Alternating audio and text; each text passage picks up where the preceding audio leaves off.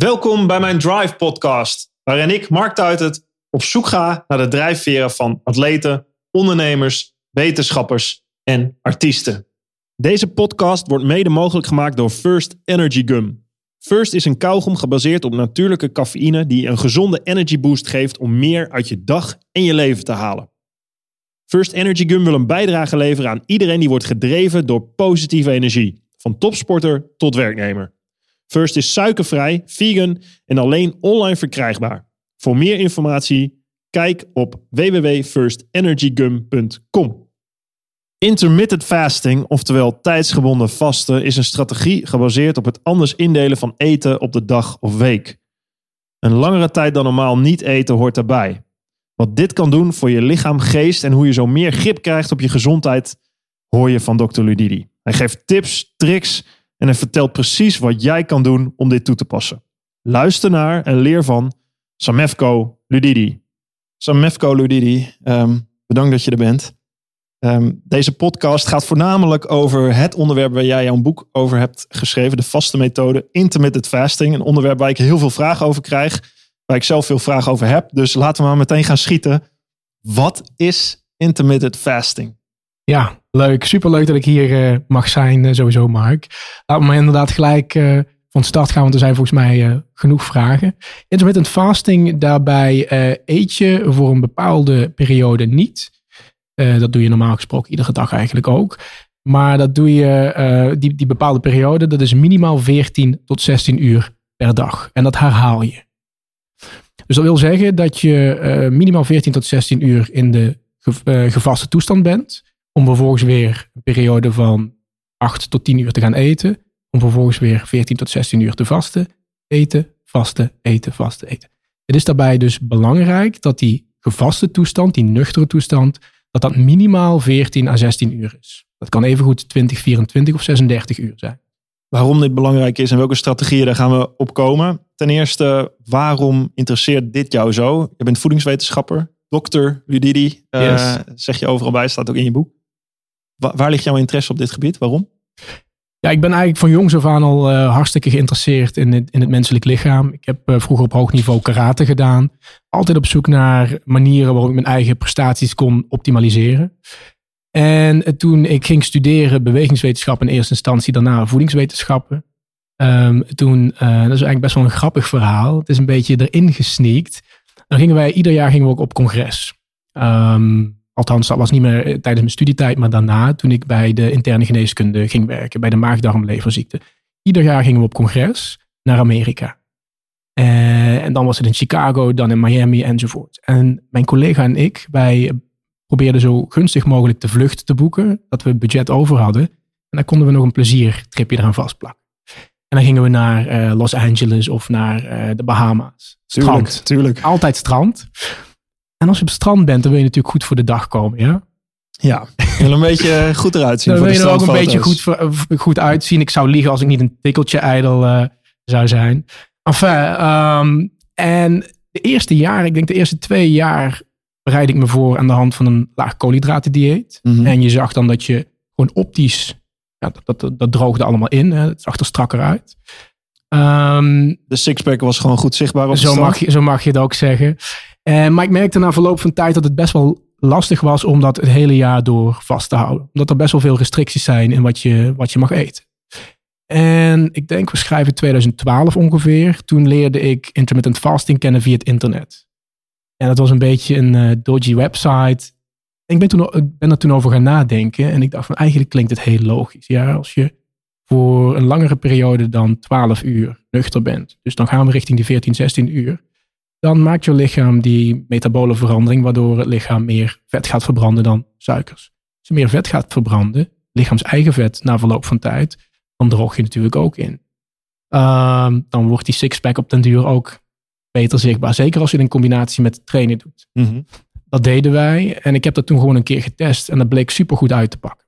Waarom was het makkelijker vol te houden? Of wat, je, wat je aangaf? Ja, het was makkelijker vol te houden omdat er veel vrijheid was in wat je kon eten. Je hoefde niet per se uh, op een laag koolhydraten dieet te gaan om toch in die vetverbrandingszone te kunnen geraken. Dus eigenlijk zeg je, je hoeft minder te letten op wat je at um, als je maar aan die tijdsrestrictie hield. Precies, want juist die uh, langdurige nuchtere periode zorgde ervoor dat je vetverbranding op een gegeven moment de overhand nam. Want je lichaams eigen glucose daalde. Waarom? Hoe, ja, maak je verhaal ja, af? ik maak het verhaal even af. Ik heb toen op dat moment uh, aan de lijve de voordelen mogen ondervinden. Ik ondervond ook dat niet alleen uh, het esthetische beeld verbeterde in mijn optiek, maar dat ik ook uh, gewoon prima kon presteren, ook hoog intensief kon presteren, terwijl ik langdurig in de nuchtere toestand was. En dat was het moment dat ik naar mijn collega's ging bij de humane biologie om te vragen of we daar niet eens een keer onderzoek naar zouden kunnen doen in relatie tot preventie van diabetes welvaartsaandoening. Nou, dat werd weggewuifd. Ik schrijf 2012 nogmaals. En dan zie je nu, uh, jaren later, dat daar gelukkig wel ook meer en meer onderzoek naar uitgaat. Ik ben uh, tussen 2012 en nu altijd daarmee bezig gebleven. Ik heb dat ook getest bij cliënten van mij. Um, en ja, wat ik zeg, inmiddels is er veel meer ook vanuit de wetenschappelijke invalshoek bekend hierover. En dat gaf voor mij de aanleiding om het boek ook te schrijven. Ja, je, het boek komt op een hele goede timing. Hè. Uit Amerika uh, ik volg ook de, de blogs, de, de podcasts. Het is natuurlijk al een item, misschien al een twee, drie jaar denk ik echt. En het begint in Nederland ook echt aan te zwengelen nu. Ook dankzij een boek, denk ik. Um, kun jij in het, je, hebt het over waarom je het hebt gedaan. Kun jij in het kort uitleggen hoe dat precies dan werkt? Um, wat is het voordeel van een langere tijd niet eten? Hoe zit dat? Ja. We moeten dat allemaal niet te moeilijk maken. Ik denk dat het vooral belangrijk is om gewoon heel simplistisch te denken als zeg maar um, model voor hoe het lichaam werkt in deze maatschappij waarin wij leven, in het Westen, daarin uh, ja, loopt onze, onze machine, ons lichaam hoofdzakelijk op koolhydraatverbranding. Dus doordat we uh, wat wij eten, dat, dat, dat zijn hoofdzakelijk koolhydraten, daar halen wij onze energie uit. En onze energiefabriekjes, de mitochondriën, die zijn ingesteld op het verbranden van koolhydraten om onze arbeid te kunnen verrichten. Als je langdurig niet eet, dan raken die koolhydraten, die koolhydraatreserves in het lichaam, die raken uitgeput. Want we hebben maar een beperkte hoeveelheid koolhydraten in het lichaam die we kunnen opslaan. Ja. Vet daarentegen kunnen we oneindig opslaan. Dus als die koolhydraten dalen, dan moet iets het gaan overnemen. Want je kunt, hè, ik bedoel, het is niet zo dat je dan geen verbranding meer hebt als je geen koolhydraten meer kunt gebruiken. Dus dan nemen de vetten, die nemen het over. Dus de lichaams-eigen vetten, mhm. die worden na ongeveer 12 uur voor het eerst uh, aangesproken. aangesproken in dermate aangesproken dat het de overhand neemt. Dus dat is eigenlijk de theorie van het minimaal 12 uur. Precies. Dan heb je het over 12 uur geen suikers, niks eten, zodat je lichaam de, de reserves van koolhydraten heeft opgesoupleerd en eigenlijk over gaat schakelen op, een, op vet als belangrijkste brandstof. Heel goed. Maar nu wat gebeurt normaal? Dan eet jij om 7 uur, 8 uur s avonds voor het laatst. 12 uur later, 7 uur s ochtends. Net op het moment dat die stofwisselingsverandering, die metabolic switch, begint, uh, begint, begint op te treden, dan eet je je ontbijt weer. Dus je beperkt je eigen lichaam van het feit dat het op dat moment meer vetten kan gaan verbranden als energiebron door weer te eten. Juist. Ja, eigenlijk je geeft je lichaam nooit de kans om die vetten precies. te gebruiken als brandstof. Als je dat nou verlengt met vier of vijf uur tot ongeveer twaalf uur s middags, dan heb je dus een, een window van vier of vijf uur waarbinnen je vetverbranding langer verhoogd is ten opzichte van de normale omstandigheid. En dat is eigenlijk eh, ja, hoe het werkt. Um, wat gebeurt dan? Je moet denken, de eerste twee weken is het best wel lastig om. Uh, nou goed, niet per se lastig, maar de eerste twee, twee. Je lichaam heeft tijd nodig, laat ik het zo zeggen. Je lichaam heeft tijd nodig om die metabolic switch te maken. Ja. In het begin kan je lichaam niet goed uit vet die energie vrijmaken. En dan hapert het systeem. Dan wat gebeurt er dan met je lichaam? Hoofdpijn, of, ja, hoofdpijn. Dan word je misschien wat moer. En ik adviseer daarom ook iedereen die wil starten met vasten om dat in het begin op een, om, om, de, om, om het sporten bijvoorbeeld op een lager pitje te houden. Uh, misschien op je werk eerder naar huis te gaan en voldoende water te blijven drinken. Oké, dit is een belangrijk punt. Want ik, heb, ik zal je mijn, kort mijn ervaring vertellen. Oh, uh, ik, ik heb het twee weken geprobeerd en dan echt om 12 uur eten. 12 window van, uh, van 8 uur. Dus 12 uur s middags, 8 uur s avonds. En dat probeerde ik ook naar 6 uur s avonds te trekken. Dus een window van 6 uur. En ik train graag. Ik train uh, liefst iedere dag ik werd wel, ik werd in die twee weken, ik, ik heb het niet langer dan twee weken volgehouden, omdat ik inderdaad je Ja. werd, vermoeider werd. Ik trainen, trainen ging niet zo lekker. Dan heb je eigenlijk twee cruciale fouten gemaakt. ja? Je bent te vroeg gestopt met vasten. En je hebt niet gerespecteerd dat je lichaam eh, die verandering door moet maken. Want die energiefabriekjes die zijn ingesteld op koolhydraatverbranding. En het duurt twee weken ongeveer voordat die instelling veranderd is naar vetverbranding. Hmm. Het duurt ongeveer twee weken voordat je energiefabriekjes, je mitochondria, je, je kent de term, Jazeker. dat die ook de zuurstoffabriekjes in je lichaam, Precies. in de cellen. voordat die ook vet kunnen verbranden überhaupt. Dus er worden meer mitochondria aangemaakt en de instelling verandert. Duurt twee weken. Twee weken. Ja, dat is precies dus het moment eh, waarop ik denk van, Ja. nou, eh, En dat betekent dus ook, even. ga twee weken lang eigenlijk even met respect om met je, met je lijf. Ja. Respecteer die, die, die, die, die, ja goed, die, die, die extra belastingen. Doe tandje terug. Oké, terug. dat, dat vind ik lastig, moet ik zeggen. Maar ik, ik, eh, ik, Ik zal het advies- een, ja. een ane- anekdote tussen, tussendoor. Ehm, de eerste ontdekkingsreizigers, althans de 19e eeuwse ontdekkingsreizigers die naar Groenland gingen, die rapporteerden ook in hun, rap- eh, in hun, in hun reisverslagen dat ze eh, de eerste twee weken superveel last van vermoeidheid, hoofdpijn hadden enzovoorts. En ze weten dat aan het dieet. Walvisblubber, vis, rendierenvlees. Eiwitten, vet. Precies. Ze moesten 50 kilometer per dag te voet en met de hond afleggen. En dat vonden ze super zwaar enzovoort. En ze, ze schreven letterlijk, eh, ik beschrijf het ook in mijn boek, na twee weken, alsof er magie eh, had plaatsgevonden en was het geen enkel probleem meer om eh, die afstand iedere dag af te leggen. Alsof, ze, alsof hun lichaam transformatie had door. Maar hoe, eh, jij zegt, ehm, mooi verhaal trouwens. Maar jij zegt, je moet het kunnen volhouden. Ik had het na twee weken al zwaar. Ehm, hoe, hoe is, volgens mij heb ik ook gelezen, je wil het niet echt een dieet noemen. Hè? Het staat ook de vaste methode. Er is natuurlijk een hele zwangel rond diëten. Dat ga je een paar weken doen en dan val je af. En daarna schakel je weer over en wordt het misschien nog wel erger. Ga je jojoen, wil je niet. Dus hoe hou je dit dan? Is dit een, een, een systematiek van voeding die je je eh, hele leven zou moeten en kunnen volhouden? Ah, dat is een hele goeie. Eh, het korte antwoord is nee. Maar geef me even de tijd om, eh, om hierop in te gaan. Kijk, in de natuur, ehm, wat je met vasten eigenlijk doet, is je simuleert als het ware de mechanismen, die biologisch-evolutionaire mechanismen die optreden ten tijde van voedselschaarste. Dat is wat je simuleert. In deze tijd is eten continu en overal aanwezig. Vroeger was dat wel anders. Hè? Periode van overvloed wisselde zich af met schaarste. Dat ging cyclisch. We kennen geen schaarste. Dus door te vasten kun je op een kunstmatige manier diezelfde mechanismen simuleren.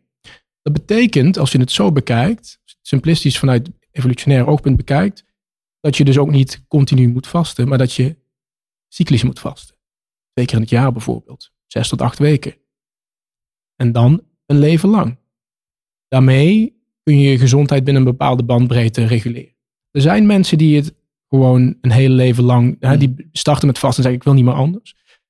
Dat is, aan de ene kant is dat niet natuurlijk, vanwege het verhaal wat ik je net uitlegde. En aan de andere kant is het ook helemaal niet praktisch, want je wil ook gewoon gezellig eens een keer kunnen ontbijten met je vrouw of kunnen... Kerst vieren. Precies, Of, eh, ja. precies, precies. Vakantie gaan. Dus ik denk dat je, dan, hè, je, moet Hm. ook, je moet het ook vanuit een praktisch oogpunt bekijken. Eh, zes tot acht weken, dat is echt wel goed te doen, twee keer in het jaar. Maar het hele jaar hoeft helemaal niet. Want ik heb met eh, voedingswetenschappers praat ik veel, ook, ook voor First Energy Gum, voor mijn bedrijf. ehm, maar ook gewoon uit persoonlijk interesse. Eh, ik heb Hanno Pel op een podcast gehad als gast. eh Aske Jeukendrup, voedingswetenschapper. Hanno Pel, eh, internist. Aske Jeukendrup zegt eigenlijk een voedingswetenschap, vanuit de sportvoedingswetenschap. Ja, ook intermittent fasting. Het gaat erom dat je gewoon simpelweg calorierestrictie toepast voor een lange tijd wat je vol kan houden. Dat is eigenlijk ehm, wat je zou moeten doen. En misschien is het makkelijker te, te doen als je het via een intermittent fasted manier doet. Maar in principe maakt het niet uit. Ja, ik denk dat er twee kanten in het verhaal zitten. Aan de ene kant het verhaal dat, eh, misschien is het een psychologisch verhaal, misschien een fysiologisch verhaal. Dat vind ik lastig te zeggen. Maar mensen vinden het vaak lastiger om vier keer per dag een klein beetje te eten. Dan wij van spreken 16 of 20 uur niks en dan Mhm. gewoon te mogen eten. Dus dat is denk ik één kant van het verhaal. Eh, als we het hebben over calorierestrictie. Ja. De andere kant van het verhaal is dat er onderzoeken zijn die laten zien dat wanneer mensen binnen de feeding window, dus tijdens bestek dat je mag eten, als die hetzelfde eten binnen het feeding window, en dat is mijn advies ook altijd naar al mijn cliënten, dat er toch eh, metabole veranderingen plaatsvinden, waardoor je dus je voordeel kunt doen uit vasten. En er zijn heel veel verschillende methoden van intermittent fasting. En bij sommige methoden, kijk, als jij eh, twee dagen achter elkaar niet eet, dan is het heel lastig om in de navolgende dagen die 4000 kilocalorieën erbij te eten. Mhm. En je zult zien dat je de eerste dag daarna misschien iets meer dan normaal zult gaan eten. Maar eh, dag 4, 5, 6 en 7 normaliseert dat weer. En dan creëer je inderdaad, naast het timing effect, creëer je ook een effect door eh calorieëntekort. Maar als je dat vergelijkt met de 16-8 methode, dan is het heel goed te doen om binnen die 8 uur dat je mag eten, gewoon alles wat je op een normale dag eet, binnen die 8 uur te eten. En dan is het dus echt een effect van het vast aan zich. En het metabole effect wat je beschrijft, dat is dan het effect dat die vetverbranding op gaat treden. Precies, dat heeft puur te maken met het effect dat je dus eh, minimaal 14 tot 16 uur nuchter bent en dat je dus profiteert van een verhoogde vetverbranding. En dat, het, is een, het is een andere kijk van naar de, eh, een andere manier van naar de realiteit kijken. Ehm, ik geloof zelf niet in calorieën, want calorieën tellen en het achterwege laten van calorieën heeft ons tot nu toe niet, hè, niet gezonder gemaakt, niet slanker gemaakt sinds de intrede van de kilocalorie. Ehm eten is meer dan calorieën, eten is meer dan nutriënten. hè. Ik probeer meer uit te zoomen naar het grotere geheel te kijken. Ja. En dit is dus een ander, een ander model Helder. ehm, ja, van, van de realiteit. Hanno, Hanno Pel zegt, eh, ja, dus internist weet er heel veel van, van dat metabolisme. Wat hij zelf toepast, vond ik wel grappig. Voordat we overigens de strategieën die jij ook in je boek beschrijft gaan bespreken. eh, als handvat voor mensen. Dus eh, blijf luisteren, let op. De- die komen eraan. Hanno zegt, wat hij toepast, vijf, zes weken gewoon normaal eten. En, en vijf dagen, midweeks, ehm, eet hij niet. Dus hij vast vijf dagen. En dan alleen s'avonds eet hij een hele kleine maaltijd met groenten. Eh, in die vijf dagen doet hij samen overigens met zijn vrouw. Makkelijker vol te houden. En hij zegt het effect wat er optreedt is een soort uh, celregeneratief proces wat je dan aanzet. eh, wat dan het belang is van dat vasten. Ja. Hoe, eh, hoe klinkt die strategie jou in de oren? Ja, dat is natuurlijk ook van evolutionair perspectief weer logisch te verklaren. Ehm, het is een van de vele voordelen van vasten, zou je kunnen zeggen. Ehm, je moet het eigenlijk zo zien. Je lichaam, op het moment dat je zo lang niet eet, langer dan 24 uur, eh, eh, wordt normaal als richtlijn ge- aangeschreven om dit mechanisme, wat we autofagie noemen, om dat te kunnen realiseren. Dan eh, denkt je lichaam als het ware, wow, er komt best wel lang geen nieuw voedsel binnen. Laten we de celdeling maar eens even terugschroeven. Celdeling vindt normaal plaats als celletjes beschadigd zijn. Dan worden er gewoon nieuwe voor in de plaats gemaakt en de beschadigde cellen die worden opgeruimd.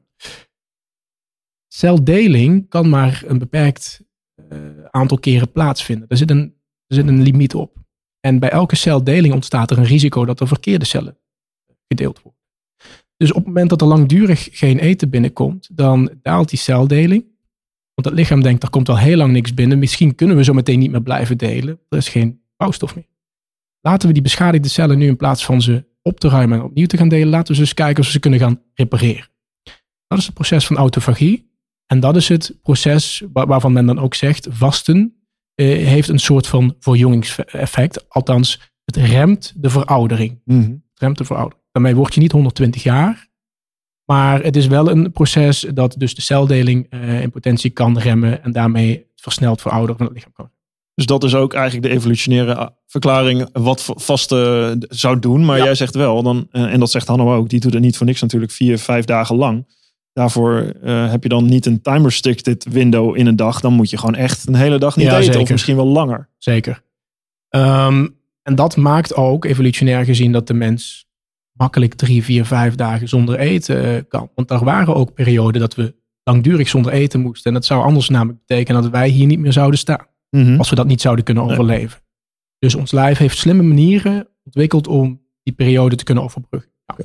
Dus hoe gaan we naar die strategieën toe? Dit zou er één kunnen zijn. Ehm, welke, welke methodes zou je kunnen toepassen om intermittent fasting eh, te doen? Ja, ik denk voor iedereen die wil starten met vasten is het belangrijk eh, om je van tevoren even eh, de vraag te stellen van wat wil je ermee bereiken?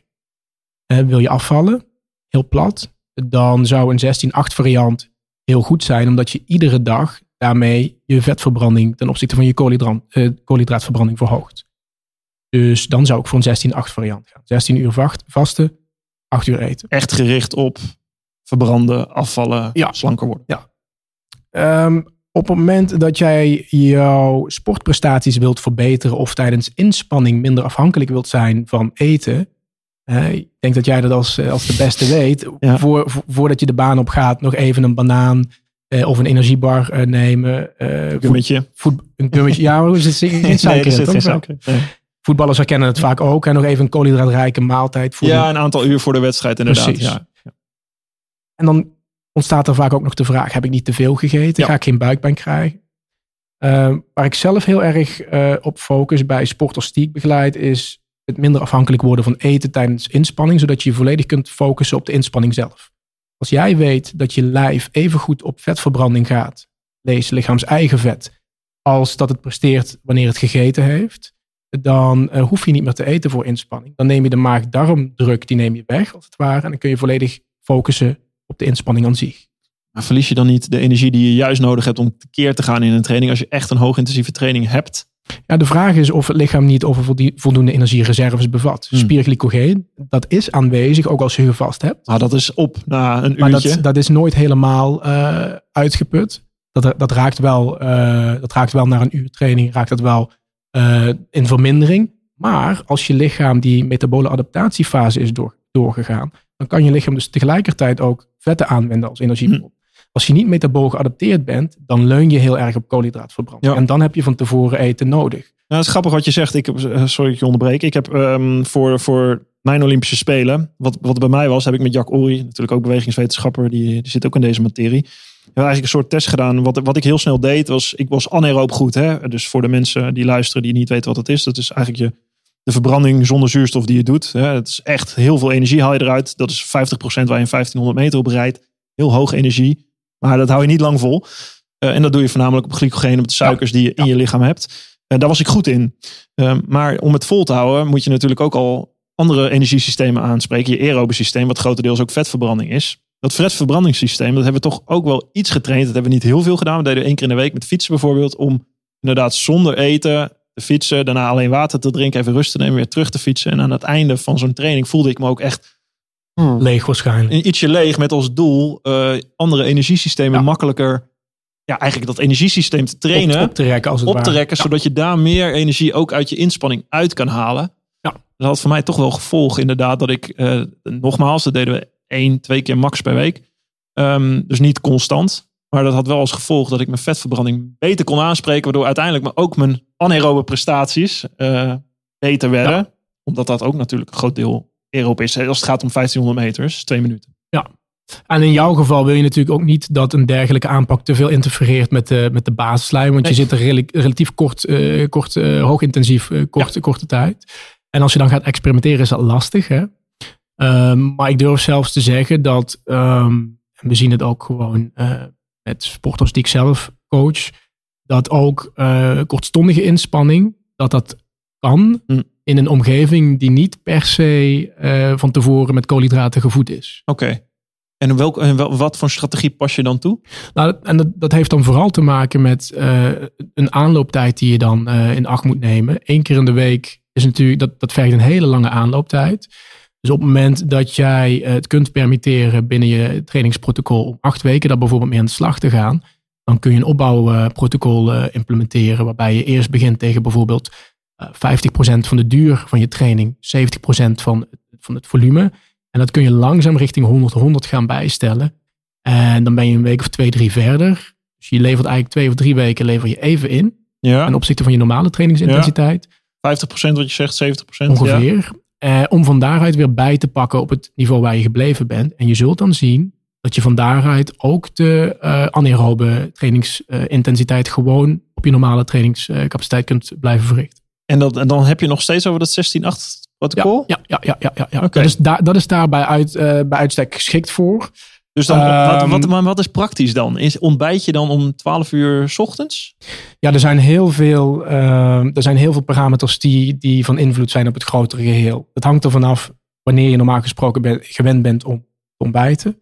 Maar ook wanneer je gewend bent om te trainen. Als jij altijd in de namiddag traint, dan, en, en dan kun je ook nog met je vaste eh, tijdsbestek gaan, gaan, gaan spelen. Niemand zegt dat je in de ochtend moet vasten.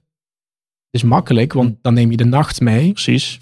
Ehm, maar als je het maximale effect op inspanning wilt hebben, dan wil je eigenlijk nuchter trainen en dat gaan uitbreiden tot in de gevaste toestand. En dan wil je daarna meteen eten eigenlijk. Als Dat kan, herstel, toch? dat kan. Maar goed, ehm, je weet ondertussen dat ik Badder bijvoorbeeld coach. Ja, eh, op het gebied, eh, ja, het gebied ook van, eh, van eten en drinken. En ehm, in de Ramadan, toen mocht hij, ja, ik denk 20, 22 uur lang niet eten. Toch door blijven trainen. En hij is uiteindelijk fitter de Ramadan uitgekomen dan dat hij erin ging. En hij was al fit, kan ik je vertellen. Mhm. Ehm, we hebben ochtends getraind. Hoe ziet dat? er- Dus de hele avond eh, met zonsondergang eh, niet meer eten, niks meer doen. Dan hele, de ochtend trainen. En wanneer is dan de eerste En dan is? Ja, nou goed, bij de Ramadan is dat natuurlijk als de zon ondergaat. Dus de, de- de- Maar ik snap het nog niet. Wanneer, wanneer, wat zijn dan de perfect, wat, wat zijn dan, wat zijn de, wanneer train je met hem en wat waren de eetmomenten? ja, dus Sorry. als hij 's ochtends trainde dan- Ja. en, en het was. Ramadan, dan mocht hij alleen maar 's avonds. Precies. S'avonds Dus eten. alleen s'avonds, voordat hij naar bed ging. Eén keer per dag. Dus dit zijn, dit zijn modellen die kunnen werken. Maar vergeet niet, je kunt daar niet cold turkey instappen. En Ja. Ja, ik, zeg, ik vaker- ben bijna verbaasd. hij vaker- doet topsport, topsport zo intensief, kickboksen. maar er is normaal nooit ruimte voor Hm. dit soort experimentele settings, snap je? En je komt er maar op één manier achter, dat is door het te doen. En voor jou is Ramadan eigenlijk Door de, de uitgelezen test. Ja, absoluut. absoluut. En ik, ik had natuurlijk al ervaring voor, voor, eh, met, ook met, met moslimcliënten Hm. die ook sporten voordat ik met Badr in contact kwam. Dus dat maakte het voor mij wel makkelijker. En dat maakte ook voor mij dat ik eh, met veel zekerheid deze casus aandurfde te gaan. Maar er kan veel meer dan bedenken dat mogelijk is. Alleen, en dan kom je natuurlijk binnen het wetenschappelijk hokjesdenken. Ja. Er worden bepaalde, in bepaalde settings kaders gesteld. Ehm, onder andere bijvoorbeeld dat je koolhydraten nodig hebt om hoogintensief te kunnen Ja. presteren. Ja. Want als Na je training meteen, herstel. ook, ook, maar ook na de training, voor de Als training. voorraad ook. Ja. Eh, maar dat komt onder andere natuurlijk ook dat wanneer we mensen met weinig koolhydraten hoogintensief proberen te, laten proberen te laten presteren, dat die mensen nog niet geadapteerd zijn. En dan is het logisch dat ze ook niet goed kunnen presteren in zo'n laag koolhydraatomgeving. Het lichaam is de metabolic switch nog niet doorgegaan. Is dit onderzocht al? Ik kan me voorstellen dat dit een onderzoeksvraag is die... Maar dit, dit zijn hele interessante onderzoeksvelden, waarbij je dus zeker in acht zou moeten nemen dat je die eh, metabole adaptatiefase van, ja, en naar mijn professionele mening, van minimaal zes tot acht weken eerst zou moeten doorgaan. Zes tot acht weken. ja, weken. Ja, ja. Er zit ook nog een psychologisch effect. Hè. Vergis je niet dat als jij gewend bent om, eh, van, ik weet niet hoe lang jij in de topsportwereld hebt gepresteerd, Ehm, tot je ja, 34ste zijn. 15 jaar bijna. Stel, je, je hebt tien jaar lang eh, volgens een bepaald protocol getraind en gegeten. En opeens eh, wordt dat omgegooid. Ja, een jaar is heel kort, hè? Eh, en het is best wel een risico als je iets omgooit. Om van, en het werkt niet. Ontzettend. Om van daaruit weer... Het is al een risico wat jij net zegt. Hey, we gaan even iets minder trainen een paar weken lang. Ja. eh, om Ja. ons aan te passen. Dat Ja, is al bijna ongehoord. Dus in het topsegment is het heel lastig om dit soort dingen, eh, dit soort dingen door te voeren. en wat kunnen Maar we... zeker ruimte voor onderzoek, als je mij vraagt. Mooi. Ehm, los van topsport. Wat, wat kan de normale persoon... En dan schaar ik mezelf inmiddels ook onder. Die wel wil trainen vier, vijf keer in de week. ehm, gezond met zijn lichaam bezig wil zijn. Het wil kunnen volhouden. Wat, wat, wat kan die het beste doen? Hoe kan die dit toepassen? Ja. Dan hangt het weer ervan af of jij, ehm, en daar heb ik bijvoorbeeld in het boek een test voor ontwikkeld. Sommige mensen vinden het makkelijker om twee dagen niet te eten of twee dagen een kleine maaltijd te eten. Anderen zeggen Zijn dat twee aaneengesloten twee dagen? aaneengesloten dagen en dan vijf dagen normaal eten. Anderen zeggen laat mij maar liever iedere dag 16 uurtjes vasten. Dan kan ik tenminste iedere dag eten. Ja. Hè? Die- Ja, ik kan me die- die redenatie goed voorstellen. Ik heb het zelf ook. Natuurlijk let ik op voeding. Ik wil gezond eten. Ik wil trainen. Maar ik wil ook niet... Ik ben dat topsport met al die kleine dingetjes. Dat, ben ik, dat wil ik niet. Ik wil gewoon lekker kunnen eten. Lekker genieten van mijn leven. Maar ik wil fit zijn. Dus in dat geval is die 16-8 methode heel erg geschikt. Ja. Ehm, op het moment dat jij echt eh, de autofagie nastreeft en, en, en, en, en, en zeg maar het, het verbeteren van de gezondheid op de lange termijn, Ja. dan doet 16-8 iets. Maar niet genoeg. Maar dan kun je het beter iets extremer aanpakken. dat is wat eigenlijk Hanno Als doet. wat Die zei Peil dit, ja. doet. Ja, ja. ja, En Die zei het is niet genoeg om echt dat regeneratieve proces, die autofagie precies, aan te zetten. Precies, maar om jouw stofwisseling onder controle te krijgen, Hm. is die 16-8 variant prima geschikt. Ik zit te denken, ja, ik zie 16-8 lijkt me dan voor nu iets. En dan moet ik dat langer doen dan twee weken. Maar als ik echt gezond oud wil worden en misschien iets minder intensief ga trainen als ik iets ouder word. Of, of er gebeurt een keer iets. ehm, dan wil je toch helemaal als je ouder wordt hè, de kans op, op ziektes toeneemt. Met name kanker tegenwoordig ook. Wat heel erg te maken heeft natuurlijk met celdeling, zou je kunnen zeggen.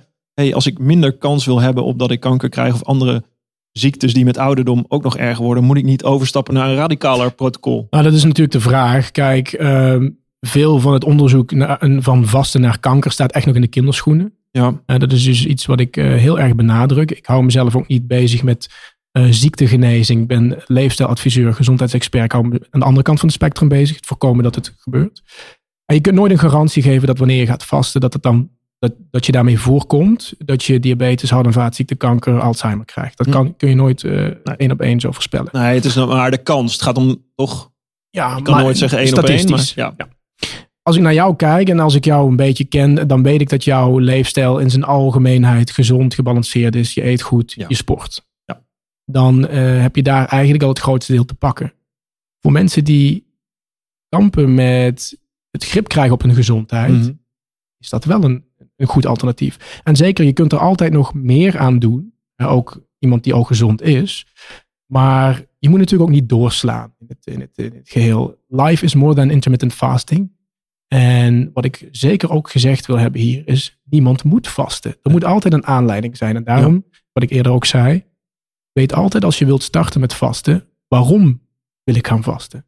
Ja. Als er geen aanleiding is, gaat het je niet lukken. Nee. En weet Nou, je, mensen zijn natuurlijk vaak op zoek ehm, naar afvallen, inderdaad, zoals jij ook. Eh, in het begin. Ik wil gewoon over het strand lopen, trots zijn op mezelf. Eh Natuurlijk wil ik energieker zijn. Het begint vaak toch ook met een uiterlijk plaatje. Helemaal Ja. in de huidige Instagram eh tijdperk. ja, dat, was, dat was toen nog niet. Dat was hè? toen nog niet. Maar, Maar ik was je- vrijgezel, Nou, maar je ziet het. Ja, oh ja, dat helpt ook natuurlijk. Hele goede stok achter de deur. Voor heel veel mensen uiteraard. Maar ik, ja, ik doe het gewoon om me fit te willen voelen. En ik wil dat effect ook voelen. Dus ik ga het doen. Ik ga langer dan twee weken proberen bij deze. Maar eh, daarnaast zijn er natuurlijk wel mensen die willen afvallen. Ehm, en gaat er, o- het gaat er denk ik over, ook voornamelijk mindset technisch. Kun je het volhouden? Is dit te doen? Ehm, dus heb je, om daarmee af te sluiten, heb je een advies voor mensen die, die denken van... hé, hey, dit is iets voor mij, maar kan ik het wel? Ja. Verdiep je in het vast aan zich. Weet waarom je het wil doen, ten eerste. Verdiep je in de eventuele complicaties die kunnen optreden. En hanteer een opbouwprotocol. Je kunt het jezelf niet makkelijker maken dan gewoon een opbouwprotocol te hanteren. Neem je ontbijt in eerste instantie om 9 uur, twee dagen. Half tien, twee dagen. En bouw het zo verder uit tot 12 uur. En misschien lukt het je wel om een keer de 24 uur te raken. Maar weet je, spring niet in het diepe. Ga niet te snel van start. Hm. Verdieping en rustig opbouw. En hoe lang duurt die opbouw? Ja, je kunt binnen een week tot 10 dagen kun je al eh, makkelijk aan 16 uur nuchter zijn. En dat gaat sneller en makkelijker dan je denkt. Rustig opbouw, hele goede tip, vind ik ook. Ik, ik duik ook vaak radicaal ergens in. Misschien is dit verstandiger. Ja? Ehm, moeten mensen nog, moet je nog op speciale aspecten van voeding letten? Of kun je gewoon zo eten zoals je normaal gewend bent? Mits natuurlijk Ja, kijk, enigszins gezond. ik denk dat goed eten altijd, dat klinkt heel tegenstrijdig, maar goed eten is de basis van vasten. Leer eerst goed eten. Leer wat voor jou nutritious is en delicious. Dat is een magische combinatie. Als het nutritious is, voedzaam, dan voedt het je ook. Hè? En als het delicious is natuurlijk, dan kun je dat ook op de lange termijn blijven volhouden. Die Ja. combinatie is magisch. Leer eerst wat goed eten inhoudt voor jou. En van daaruit ga je pas met je vaste reis aan de slag. Een veelgemaakte fout is namelijk dat mensen gaan vasten. Ja. En dat ze dan opeens alleen nog maar crackers en sla gaan eten. Dus ze gaan ook nog eens onder eten. Ze doen Ja. eigenlijk twee dingen tegelijk. En Ja. dan raakt het lichaam wel in de stress. Precies. Je moet wel gewoon goed blijven eten in, in dat window. Niet, absoluut. niet daarin doorzitten. het is geen vrijbrief om dan maar eh, pizza enzovoort de hele dag Ik te mag nu eh, acht uur lang pizza eten en Nee, chips. zo werkt het niet. eh, zo werkt het niet. Vol- Volgens mij is toch wel jammer, hè? moeten we maar eens even een afspraak gaan maken, vriend. Ja, laten we dat doen. Ehm, eh, Oké, dan heb je dat gedaan. Dan ga je over op het protocol ehm, nou, ja, 16-8 of misschien wat 2-5. Dat zijn dan twee Ja, dagen, ja, vijf dagen. ja. 16-8 naar wat gelang voor jou werkt. Ja. Wat jij vol kan houden. En jij zegt dan eigenlijk, dat doe je om het samen te vatten. eh, misschien twee keer per jaar in periodes van zes tot acht weken, zoals je het zelf doet. Exact. En daarbuitenom kun je dat weer even loslaten. Maar Ja. je moet al wel weer in je hoofd hebben, dit gaan we weer doen in een bepaalde periode. Ja, je kunt dat heel strategisch gewoon plannen. Voor veel mensen psychologisch het begin van het jaar bijvoorbeeld. Ja. En dan weer na de zomervakantie in september. Dan eh, hebben we vaak de touwtjes een beetje laten vieren. En dan, eh, dan kun je het gewoon weer oppakken. En dan zit je al op twee keer in het jaar. Heel goed. Dus eigenlijk, voor mij gaat het denk ik ook om dat effect voelen. En ik denk niet dat ik dat, ja, ik het effect wat ik gevoeld heb, dus die eerste twee weken. Maar het effect daarna voelen wat het met je lichaam doet. Ja. Dat heeft voor jou heel veel gebracht, zeg je. Ja. Voor je cliënten waarschijnlijk ook. En dat staat beschreven in jouw boek, De Vaste Methode. Yes. Ja? Voor alle luisteraars. eh, wil je meer weten? Ehm, check, uh, check het boek uh, van Samefco. En ongetwijfeld heb je ook een website die erbij hoort. Of uh, zijn ja. Instagram. Ja, Instagram, Instagram dr.ludidi. dr.ludidi. En de website is drludidi.com. drludidi.com. Mooi. ik vind dat je het goed kan uitleggen. Heel helder verwoord. Um, ja, er rest mij niks anders om daar ook mee aan de slag te gaan, vrees ik. nee, dat wordt mooi. Bedankt, Samefco. Altijd graag gedaan. Dank je voor het luisteren naar mijn Drive podcast. Wil je nu meer afleveringen luisteren? Abonneer je dan op mijn podcast via Spotify, iTunes of YouTube. Je kan me vinden onder Drive Podcast Mark Tuitert. Of bekijk alle informatie en alle podcasts op www.firstenergygum.com. Ga je naar het tapje media en het tapje podcasts. Daar vind je alle informatie. Laat me ook weten wat je van deze podcast vindt en welke gasten jij graag zou willen horen. Dan ga ik daar werk van maken. En dat kan je doen via mijn eigen social media kanalen. Mark Tuitert. Je kan me vinden op Instagram, Twitter en LinkedIn. Ga gedreven verder zou ik zeggen. En tot de volgende Drive podcast.